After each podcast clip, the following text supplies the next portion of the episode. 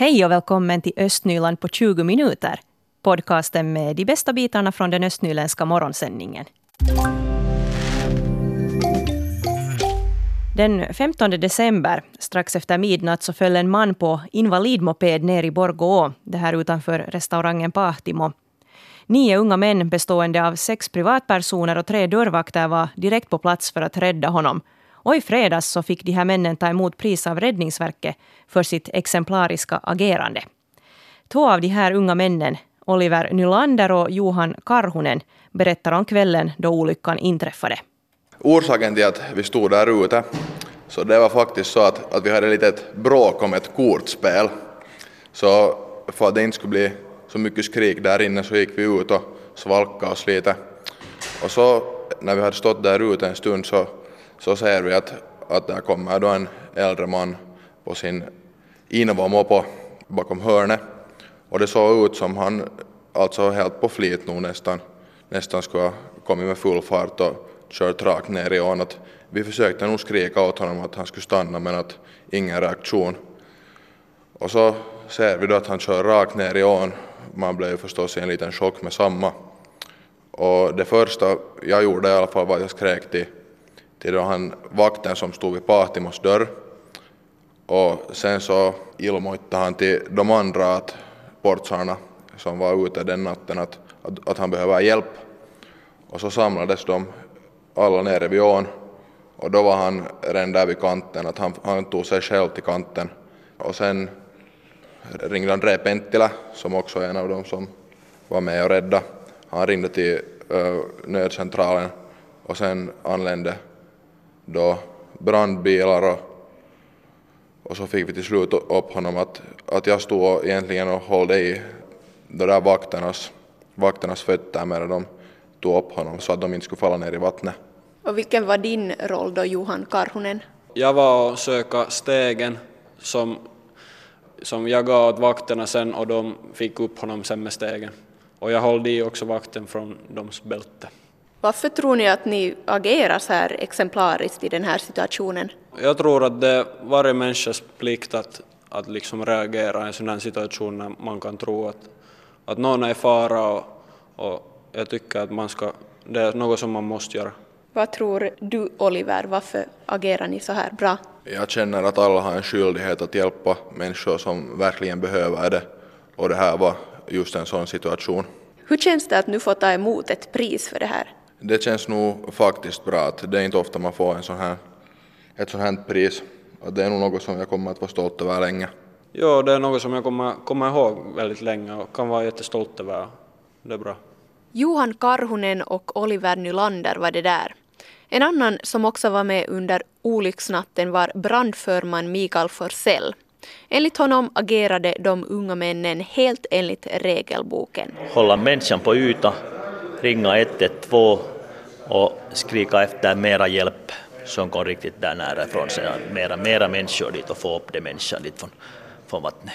Var det något annat med deras agerande som var speciellt exemplariskt? De teamjobb, de var jättemånga där på plats och, och på en kväll som är mörkt och, mörkt och lite dåligt, dåligt väder och allt sånt så de teamsjobb funkar jättebra.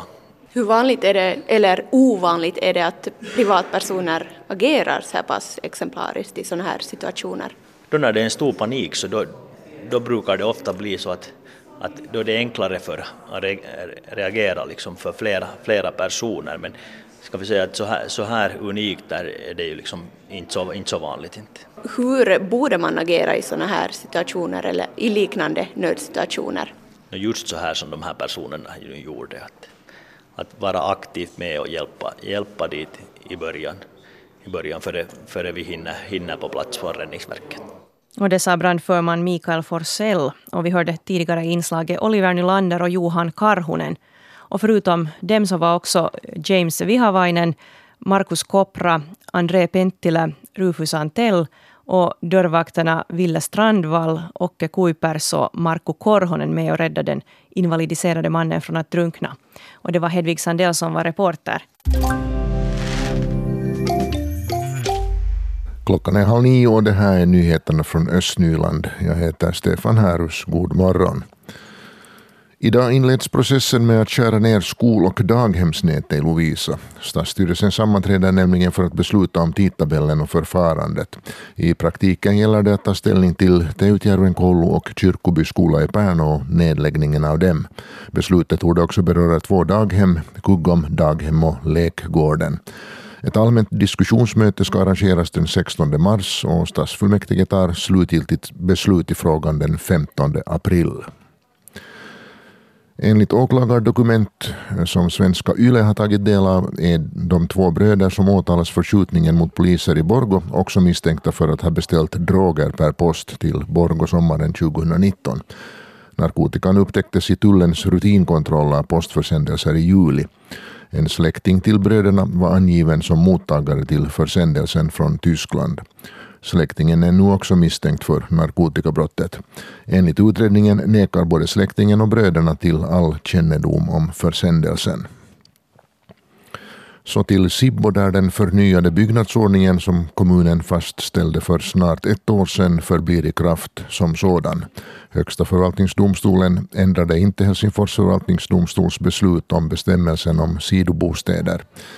Helsingfors förvaltningsdomstol konstaterade tidigare att byggnadsordningen var lagenlig förutom på punkten som gällde sidobostäder.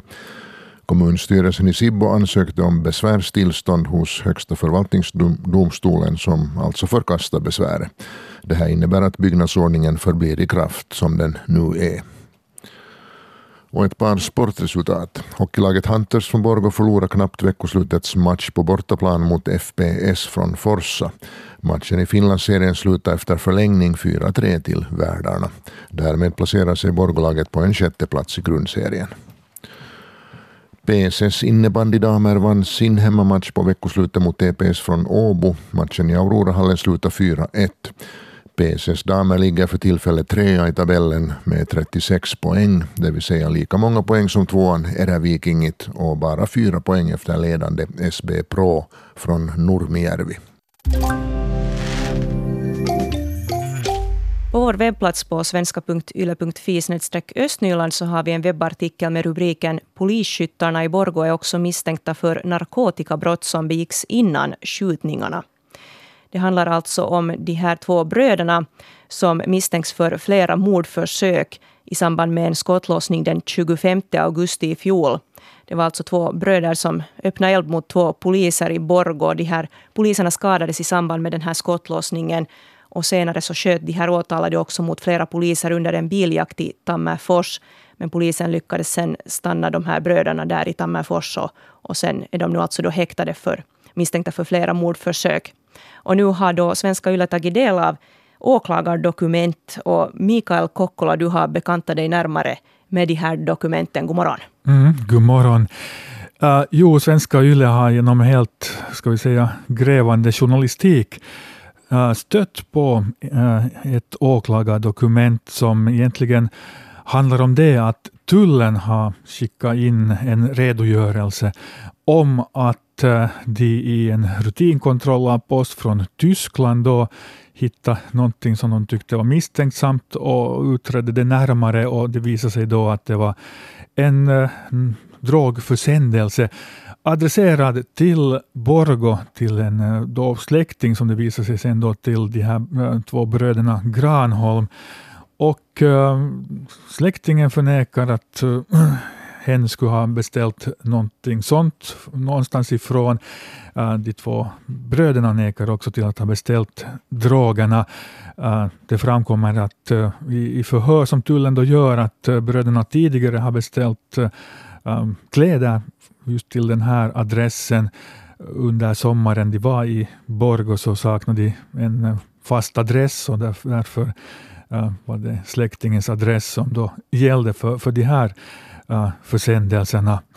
Och äh, äh, tullen föreslår då åt åklagaren att mm, man ska lägga ner hela den här förundersökningen kring den här drogförsändelsen eftersom brottet då kan anses vara obetydligt och eftersom då bröderna nu då är misstänkta för mycket mm, grövre brott.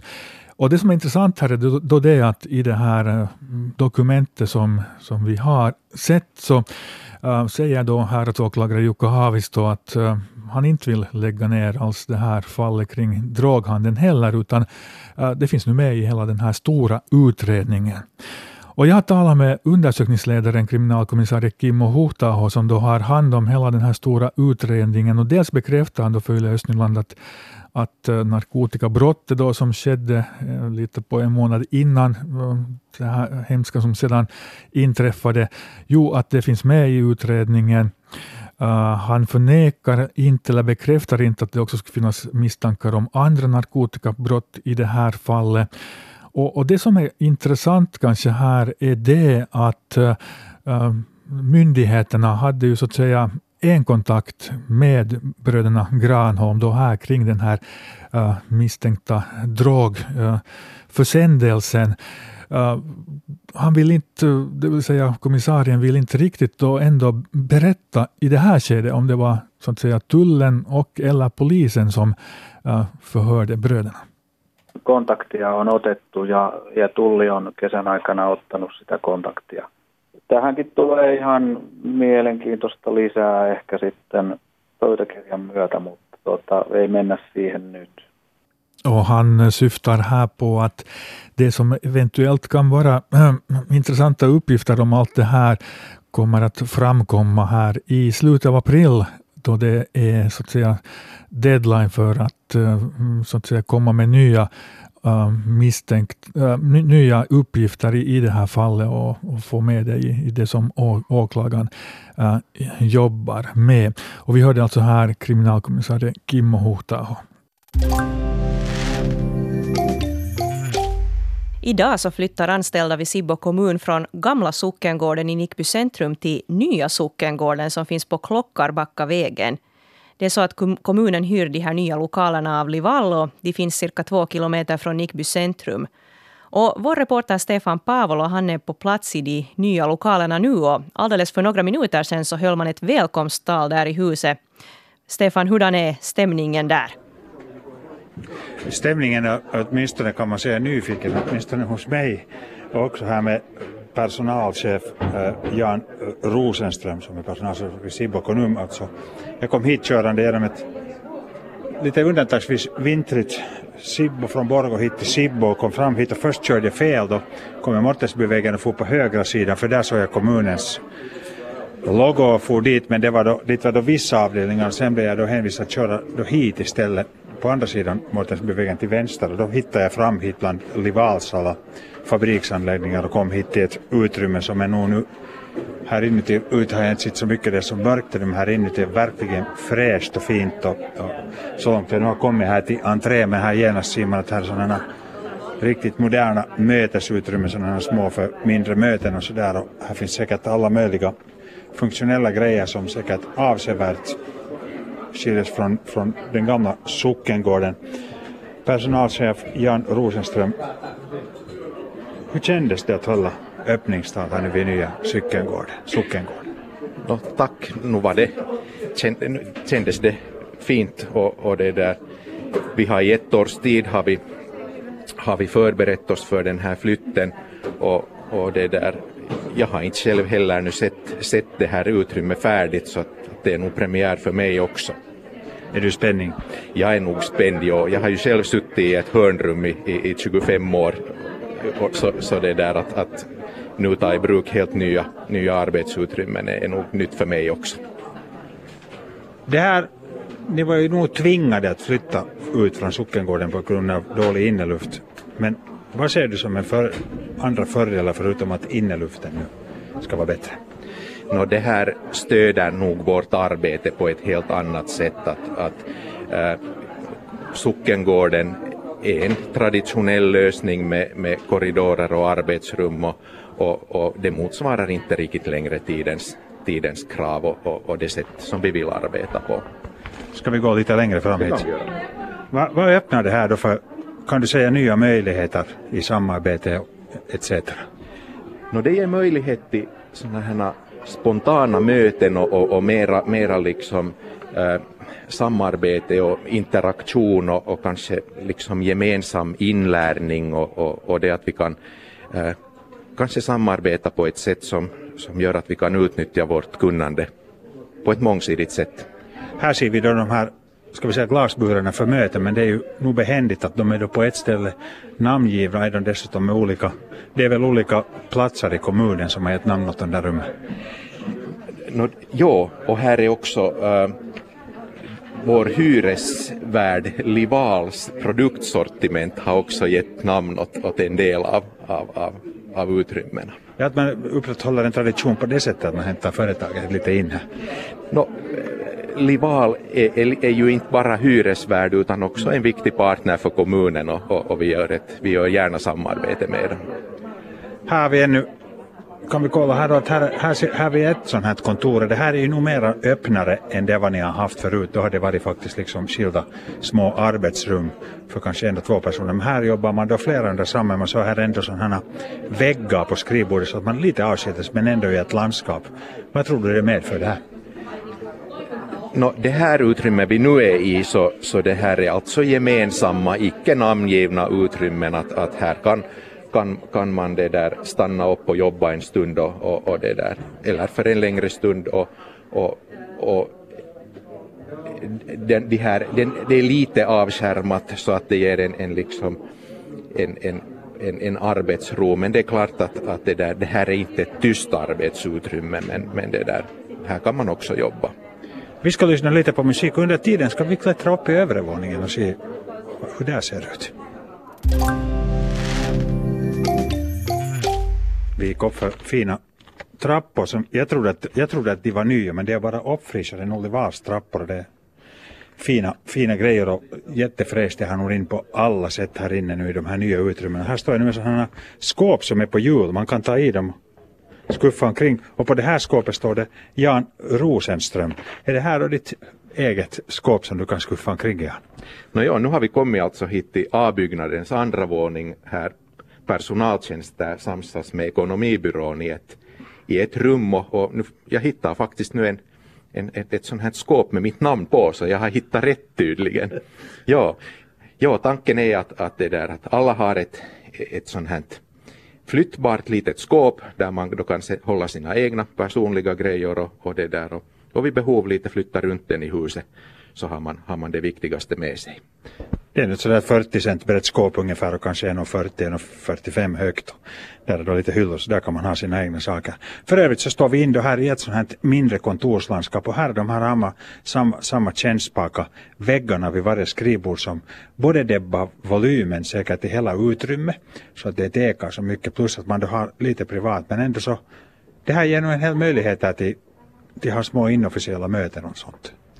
No ja, att, att det här att jobba tillsammans och, och det där och lära sig tillsammans och, och det där och, och kunna just äh, hålla små, små liksom äh, sådana små möten kontakter som, som det där man behöver i arbetet utan att, att det där behöva ordna ett, en skild palaver för saker och ting. Men samtidigt är det ju också viktigt det att, att, att man tar hänsyn till, till de andra som jobbar i samma utrymme och, och det där och, och, vi måste ju förstås ha gemensamma spelregler för, för hur, vi, hur, hur, vi, hur vi är här och vad vi gör.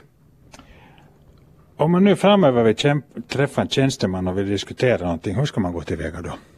No, man tar kontakt elektroniskt och så kan man stämma träff antingen där i, i, i det där i, i, i Nickby centrum eller varför inte här ute också i, i det där i Nya Sockengården att det där, våra sakkunniga är nog rörliga och, och, och det där. Vid behov så kan vi ordna den här kundkontakten på flera olika sätt. Det är nog möjligt att ordna ändå möten i gamla sockengården. Hur ofta kan det bli aktuellt? No, den närmaste tiden så, så kommer vi ju nog att, att stå nog sockengården kvar precis som tidigare och, och det där vi kan använda mötesutrymmena där. Den egentliga kundkontakten sker på vårt kundbetjäningskontor som är belägen i, biblioteket, att, att det är kanske den här i, i första hand den punkt som man kan ta kontakt via. Hur ser kommunens planer ut nu för gamla sockengården i övrigt? Vad ska hända med den byggnaden?